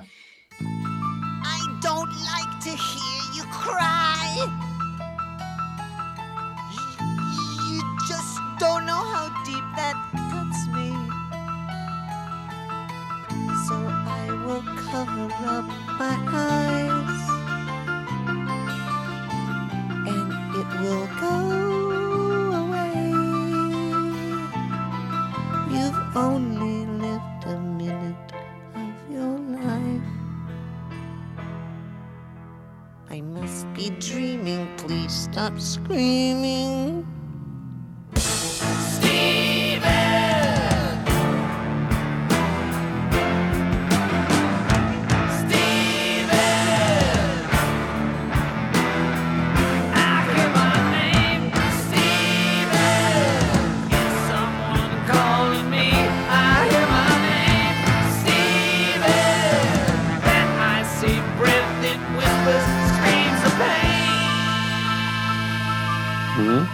Här berättar jag att jag hade en liten överraskning, som jag, en, ett litet paket jag ska öppna till den här låten. Har jag hintat till båda er, som jag har upptäckt. Men vi- Ja, vi- jag har vi varit det. nyfiken i flera timmar nu. Så, Nej, men ehm, vi kan väl säga först vad vi tycker om låten då. Ja, jag har ju ritat en hjärtsymbol här och det, då, tol, då, tolkar jag mig själv som att det här tycker jag är jävligt bra. Eh, det är ju... Oj, uh, vilken...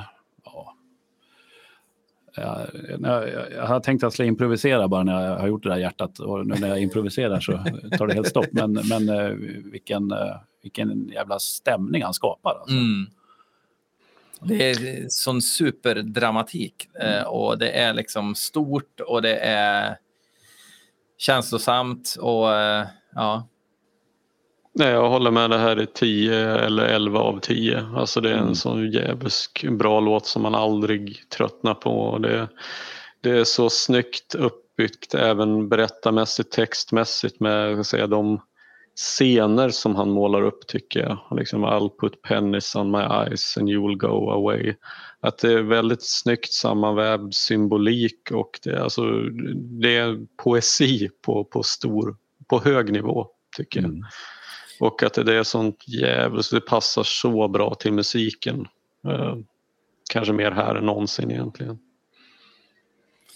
Och det är eh, även, här är det ju, här är det ju nästan ren teater i sången också. Alltså, eh, här, här gör han ju röst, jag tror det är han hela tiden också, som Ja, gör lite det. röster och på ett sätt, på ett, på ett så överdramatiskt sätt som man aldrig har gjort förut riktigt. Då har han ju hyrt, om, hyrt in någon Mommy, where's daddy? Sådana Mm. grejer. Det har inte varit han, men här gör han ju verkligen röster för Mm. första gången. Vad jag kan komma på i alla fall. Ja men det är, jag håller med och sen att jag också tyckte att om, om, det, om han ska göra helt nya saker som han kanske inte gjorde med bandet och med nya medlemmar och musiker, ja men då är det ju så här det ska låta och vara. Mm. Alltså här breddar man verkligen registret utan att förlora fotfästet och man liksom för in nya dimensioner i skräcktemat och i det musikaliska och allting. Så att det, det är så snyggt använt allting. Det enda som jag tycker är lite udda det, är det har återigen det här med konceptalbumets narrativ eller så att säga berättelse att göra. Att om, om det är tänkt då att låtarna ska vara den här karaktären Stevens olika mardrömmar. Alltså hade det då inte varit bättre, åtminstone rent berättarmässigt, att lägga den här låten i början? Mm, ja, verkligen.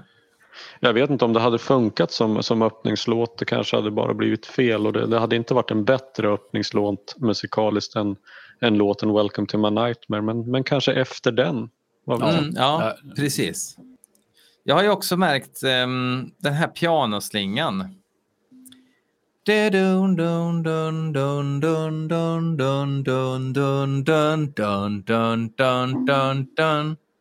Den kommer ju... Det, början är det ju typ halva det som de har skurit av och kör om och om igen. Och sen efter, andra gången det kommer tillbaka så går det ju. Känner ni igen den någon, från någonstans? Alltså det är ju en sån enkel ackord, eller egentligen inte ackord, men det är ju en, en Alltså det är en mollsträng. och allting. Så jag tänker på Dum, dum, dum, dum, dum, dum, dum, dum, dum, dum, Mm, dum, dum, mm. Men nu är det verkligen...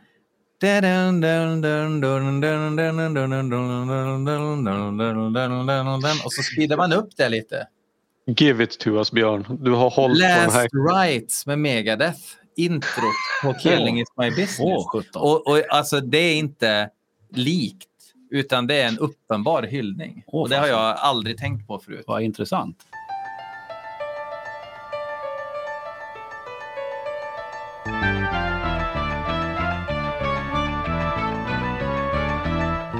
Eh, Alltså det, det är helt uppenbart.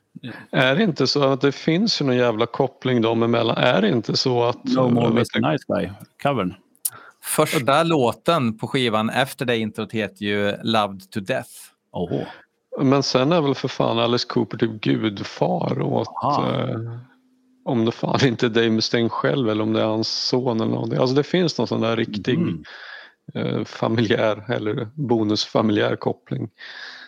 Så att, Ja, men men det är alltså, väl... det, det, det är helt uppenbart. Alltså, för nu har jag lyssnat också på Ja. den eh, bredvid varandra. Och, och alltså det, det är ju exakt samma ting.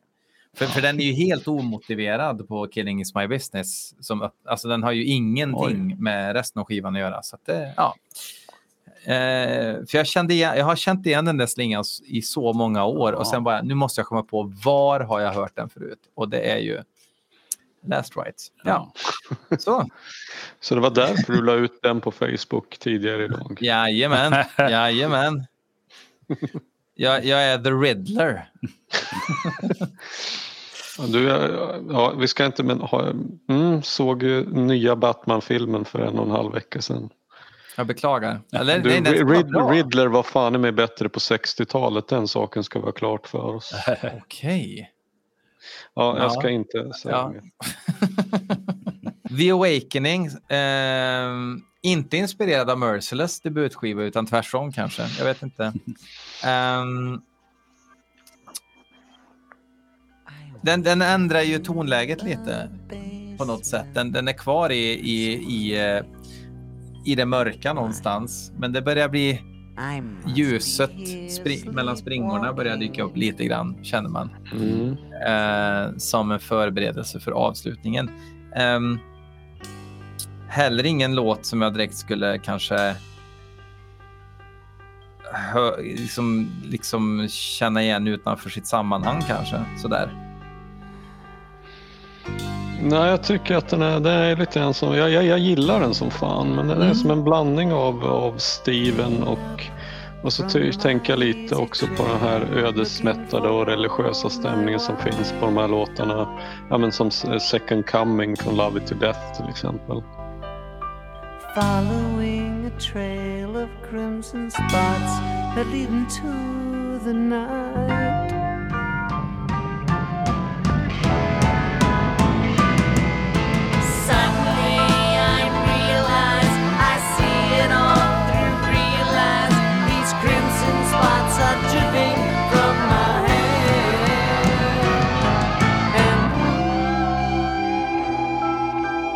Men, eh, men det, det är lite samma problem här som med andra låtar. Att, eh, för mig hade den här gärna fått broderas ut ännu mer till återigen en mer Mm. egen riktig låt. För att det, det blir ett mellanspår trots att det inte behöver vara det. Mm, I, i mina öron.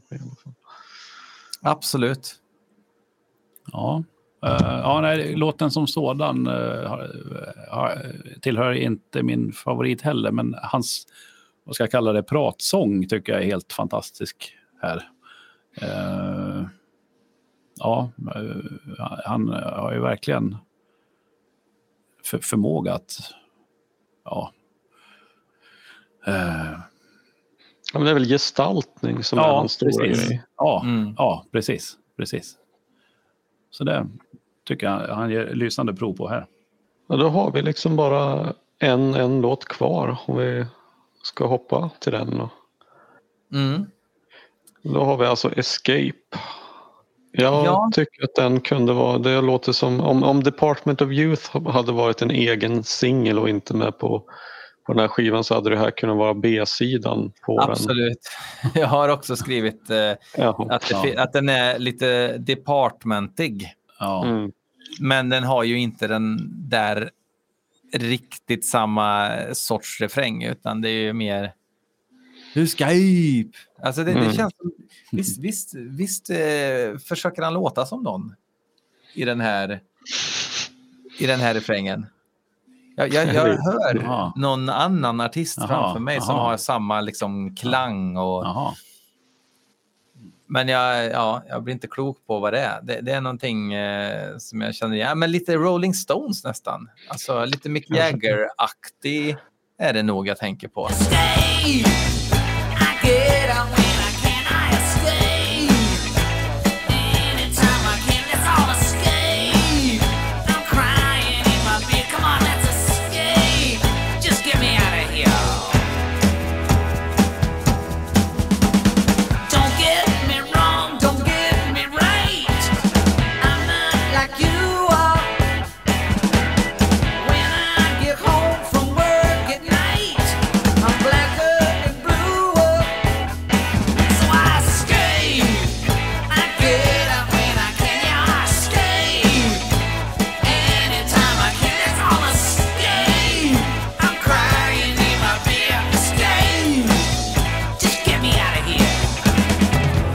men det Stones har vi ju pratat om många Mm. gånger tidigare i de här sammanhangen så det är väl verkligen inte omöjligt, tänker jag. Definitiv. Nu, nu, nu, det, det är Mick Jagger jag tänker på. Men det är liksom det är en blandning mellan glam och garagerock och det här tycker jag också hade ju kunnat skrivits och framförts av originalbandet. Och det, Mm. Jag tänker att jag undrar om det ändå inte är lite grann av ett medvetet drag för att bibehålla den gamla publiken återigen. Så. Jag Han har en, en, förmåga att inte göra någon helnöjd hela tiden. Utan han ska göra väldigt många nöjda i olika Ja, avseenden. Ja. Eh, Vad tycker du om Escape? Ja, jag, jag vet inte. Jag kanske blir lite förblindad av eh, liksom, Kim Fowley är inblandad här då. Som jag nämnde inledningsvis. Mm. Mm. Eller om du har klippt bort det så har jag inte nämnt det tidigare. ja, ja. ja nej, men Escape är en rätt passande titel. För vad jag förstår så är det en man med ett dunkelt förflutet. Nu är han ju avliden, men det riktades anklagelser mot honom eh, av kvinnor, bland annat en i The Bangles eh, före han gick bort. Och eh, det som alla pratar om så att säga, det är ju det här med Jackie Fox i The Runaways. Mm. Eh, och det ska ha hänt 1975 och den här plattan Oj. kom ju 75 så det hade varit bra om han hade lyssnat på Only Women Bleed innan han gjorde det där. Va? Ja, fy fan. Ja, visst. Så att, eh, jag har även lite andra referenser där, men jag hoppar över det. Men, men det, jag tycker en... Eh, ja, man, man ska ju skilja eh, verket från personen eh, å ena sidan, men eh, eh, jag har lite svårt för eh, den slemmiga snubben. Mm. Eh, och det tyvärr svärtar eh, min bild av låten. Men jag har å andra sidan aldrig gillat låten så att det kan också bidra till att jag förpassar den till sopnedkastet. Ja. Ja, men det, det är inte första gången som eh, vi har märkt det här på, på Alice Cooper-skivor. Det är väl uh, Muscle of Love som vi behandlade innan det här avsnittet. Så var vi väl också lite... liksom, Det blir lite tråkigt när, när det liksom inte goes out with a bang utan det blir mer lite Mm. grann av en axelryckning. Och det, Ja, visst. Verkligen. Så man, de hade ju gärna fått liksom dundra till med en fantastisk låt. Jag tycker att Steven hade varit en svinbra avslutning. Ja. Mm. Absolut. Och det, det är ju liksom... Vi har ju eh, tre, tre låtar som är ödesmättade och stämningsfulla och mäktiga liksom tillsammans. Eh, och så avslutar man med eh, ja, men en liten en liten lättsam rockare. Liksom. Mm. Mm. Det, är, väl- det är väl det här också lite grann att allt måste sluta. Det är lite Hollywood-slut nästan. Ja, det blir faktiskt det. Ja, stämmer. Och det var väl eh, innan Hollywood-sluten fanns. Alltså, de, de, kom, de kom väl på Han var en för- 80-talet. han var en föregångare Ja, på var vis. föregångare. Ja. För men ser man Midnight Cowboy, liksom, den tar ju bara slut. Helt plötsligt bara, Mm. oj, nu tog filmen slut. Mm. Ehm, så var det lite grann med filmer på 70-talet. Så att det här, det var ju ingen tråp att avsluta glatt 1975. Det kom ju senare. Mm. Du får gärna förklara för mig om jag har tusen fel här nu, men jag, så, så, så är det i min värld i alla fall, att det kom mycket senare. Ja. Formen var inte helt färdigstöpt 75 för hur saker skulle sluta. Om man tänker att det skulle vara ett soundtrack till filmen då och den ska avsluta glättigt och så kan eftertexterna komma och det är lite upbeat och sådär. Mm. Ehm, så är det lite tidigt för det. Ja, det är, men det är lite synd alltså för jag tänker skräckfilmsmässigt om man ser, jag menar eh, The Omen och Exorcisten och Rosemary's Baby de slutar ju inte lyckligt om man nu inte är på djävulens sida. Men de slutar fan mig med ett bang. Alltså, Ja. Men överhuvudtaget filmer på den tiden. Ja, Midnight Cowboy är ett bra exempel. Deliverance, alla sådana här superstora filmer Mm. på den tiden slutar ju i becksvart mörker. Liksom. Mm. Mm. Mm. Mm. Intressant. Vilket är helt olagligt nu. Ja, nej men vad har vi, alltså fan, vi, tiden rinner iväg. Vi har så suttit och pratat i, vad blir det, en timme och nästan en och en halv timme nu. Ja. Så jag tänker som vi, som vi brukar göra här i, i Coopers klass är väl att eh, avrunda med att samtliga deltagare i, ger ut betyg till skivan som avhandlats. Åh. Och eh, bland alla betygssystem som finns så kör vi väl 1 till 5. 5 är det högsta och 1 ja då är man underkänd så att säga. Mm. Uh, Okej. Det är inte den roligaste stunden kan jag säga Nej, i avsnitten, nej. vi som varit med några gånger. ja, Okej. Ja, ehm, fråga först. Är, är det alltså när betyget sätts, är det i förhållande till andra Cooper-plattor eller är det i förhållande till eh, min egen musikpreferens i, i allmänhet? Alltså vi kör ju Alice Cooper-skalan. Ja, Alltså, vi, vi kan okej. inte blanda Alice Cooper med Avenged Sevenfold eller... Ja, jag förstår. Ehm, eh, för, då hade vi landat i, i en sexa av fem. Men, eh, ja, nej, men eh, på en Cooper-skala då, då tycker jag den är uppe och nosar på femman. Eh, faktiskt. Man, eh, ni är hårda, va? man får inte sätta 4,5 och sådär. Det måste vara 4 eller 5. Va? Folk bryter mot de där reglerna hela tiden och det finns ju inga repressalier vi kan ge tyvärr. Nej, nej, okej. Eh, Påstår du.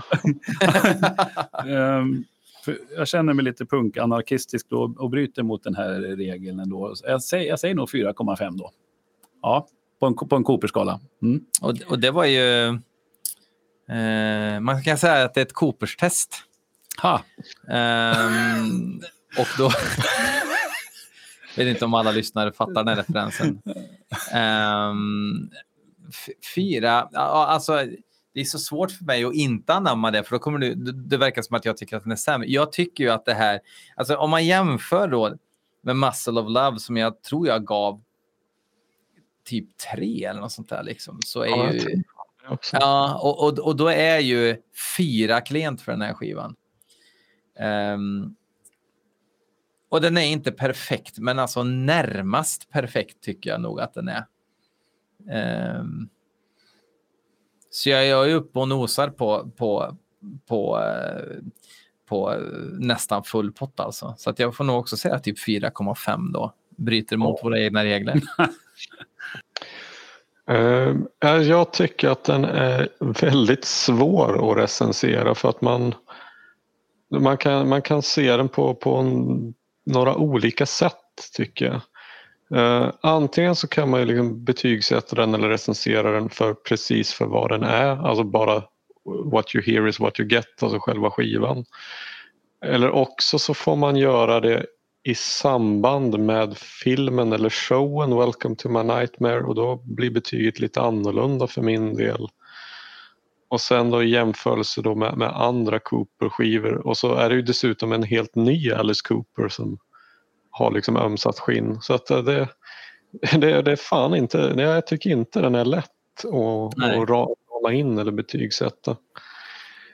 Men eh, det är som, nu när jag har pluggat den hårdare så är det som att de låtar jag redan tyckte om tycker jag till och med bättre om. Men det är som att det är ändå som känns som fyllegrejerna det är det som att då tycker jag ändå mindre om själva helheten. Jag, jag, och jag vet inte riktigt varför. Nej. Så jag, någonstans kring fyran blir det väl. Alltså mellan 3,5 och 4. Och sen när det är bra, alltså som Steven, ja men då är det ju 6 av, av 5. Mm. Mm. Så svinhöga toppar men Mm. lite... Ja, verkligen. Ja, förlåt. Ja, men det, Mm. Ja, men eh, med de orden får vi väl nästan säga tack så hemskt mycket Staffan för att du ville delta och eh, studera tillsammans med Coopers klass här nu då. Stort tack. Jättekul. Verkligen. Ja. Tack båda. Ja. svinkul att du var med. Det blev, det blev skitbra. Ja, Tack, tack. och till nästa gång så säger vi då låt stå. Låt stå. Du brukar säga och tack för kaffet också. Och tack för kaffet. Ja, så. I don't want to see you go. I don't even want to be there. I will cover up my eyes and pray it goes away. You've only lived a minute of your life. I must be dreaming. Please stop screaming. I don't like to hear you cry. You just don't know how deep that So I will cover up my eyes. And it will go away. You've only lived a minute of your life. I must be dreaming. Please stop screaming.